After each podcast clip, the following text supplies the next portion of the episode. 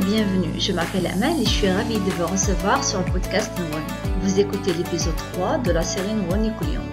En tant que designer, vous pourriez penser que l'utilisation des couleurs artistiquement combinées et des visuels originaux sont suffisants pour créer un design efficace. Mais la vérité, c'est qu'à l'ère digitale, cela ne se fait plus.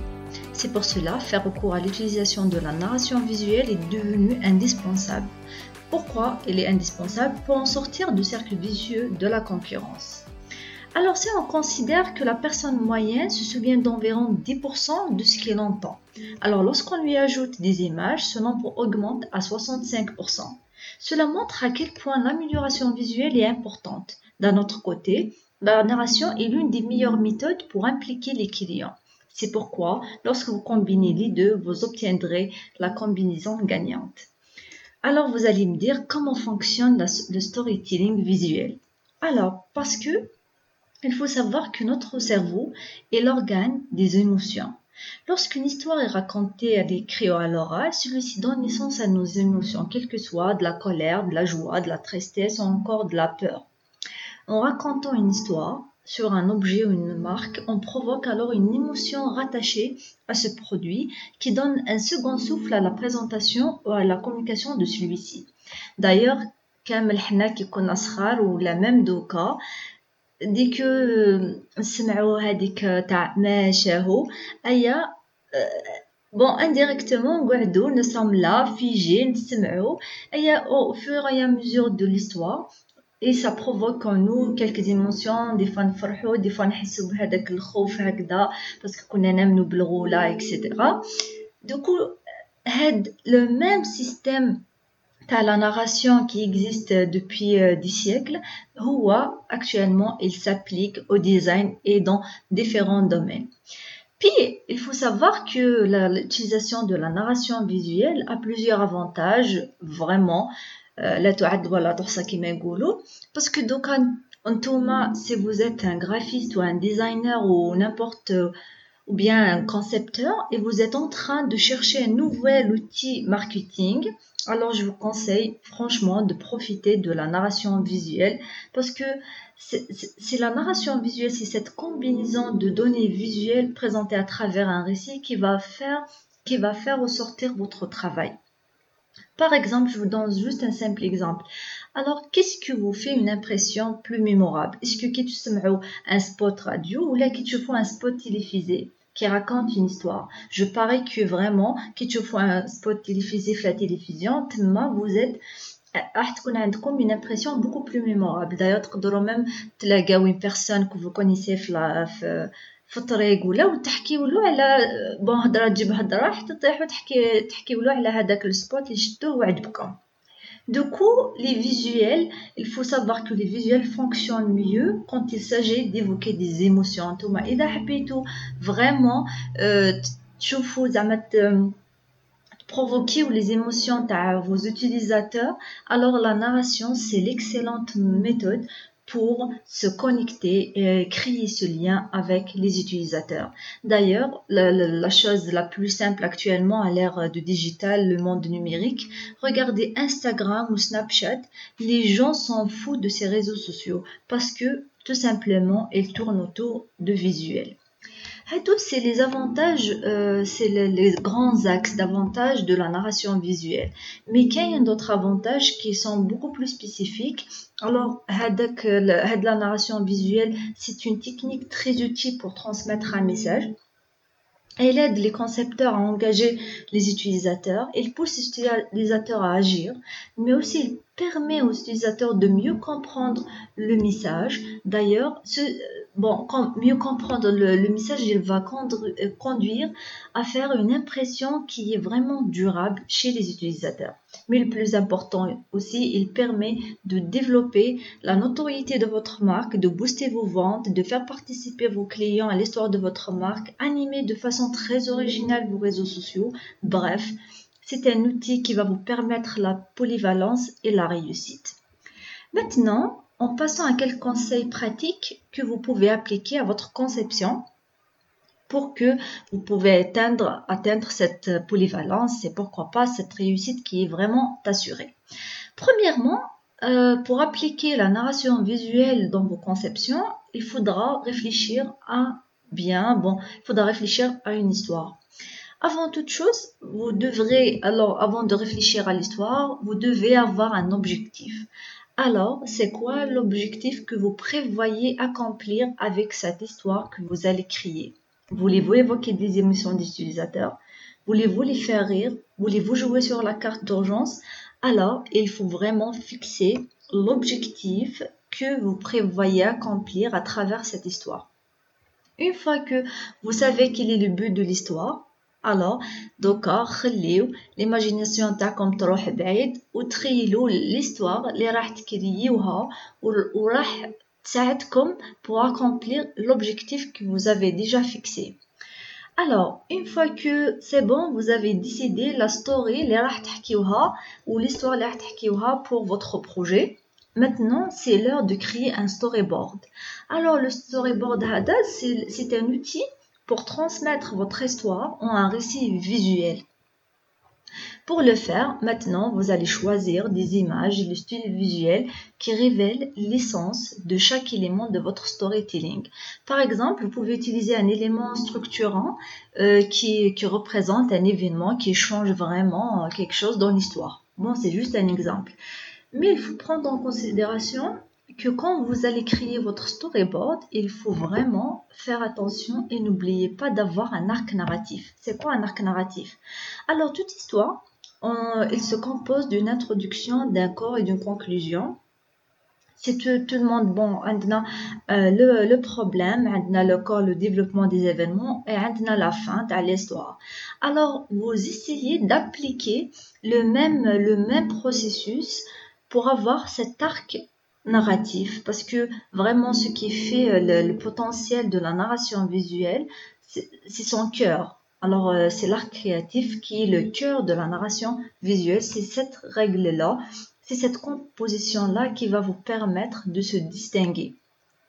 Alors, sûrement vous allez me dire, euh, vous demandez peut-être comment une image peut avoir un arc narratif.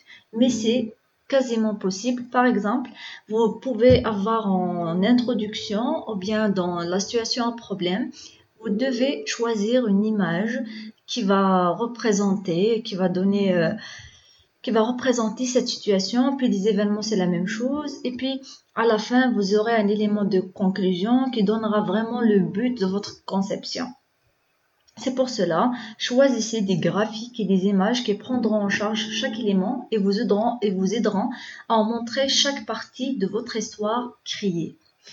Puis, une fois l'histoire est créée et le, storyboard il est là, il est fini, maintenant, si vous voulez ajouter quelque chose à votre histoire, ben, زيدوا suis à mouvement parce que لازم faites-la bouger parce que les concepteurs optent bon pour cela, les concepteurs optent souvent euh, à des effets spécieux. Pourquoi?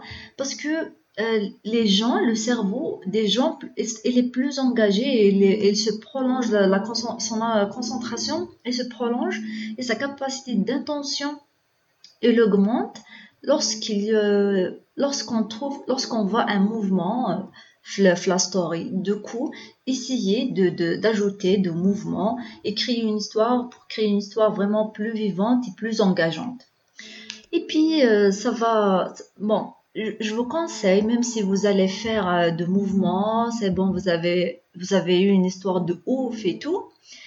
Ne bon, il faut pas exagérer parce que il faut avoir un design à la fois beau et utile. Mais n'oubliez jamais le but de votre design, c'est de transmettre un message. Même si vous aurez euh, avoir une histoire passionnante, mais avant de la mettre euh, à l'exécution, il faut demander ce que le client de cette marque, est-ce qu'ils vont trouver le, message il est pertinent. Et concentrez-vous sur le message que vous voulez euh, qui, qui, va véhiculer votre conception. Parce que la nation c'est ça ce qui, rend, ce qui va rendre votre narration visuelle une technique qui est très efficace. Et non seulement ça, parce que demain vous allez faire euh, cette, vous allez créer cette histoire-là, vous allez créer ce design-là avec cette technique de la narration visuelle. Pourquoi Pour fournir une solution à vos utilisateurs. Parce que à la fin de l'histoire, quand euh, un client chef cette histoire-là, لازم يفهم في الاخر que هاد l'histoire راح تساعده في حاجه في حياته هذا هي ce qui va faire la réussite d'une conception de narration c'est quand elle donne une solution à un problème et amène les utilisateurs à agir d'ailleurs إذا شفتوا euh, depuis longtemps depuis toujours Nas utilise les histoires comme des méthodes comme une méthode pour enseigner des précieuses leçons. Alors parce que en racontant des histoires, nous apprenons des informations qui sont très très précieuses et que nous pouvons utiliser durant notre vie. Alors, votre conception peut faire la même chose.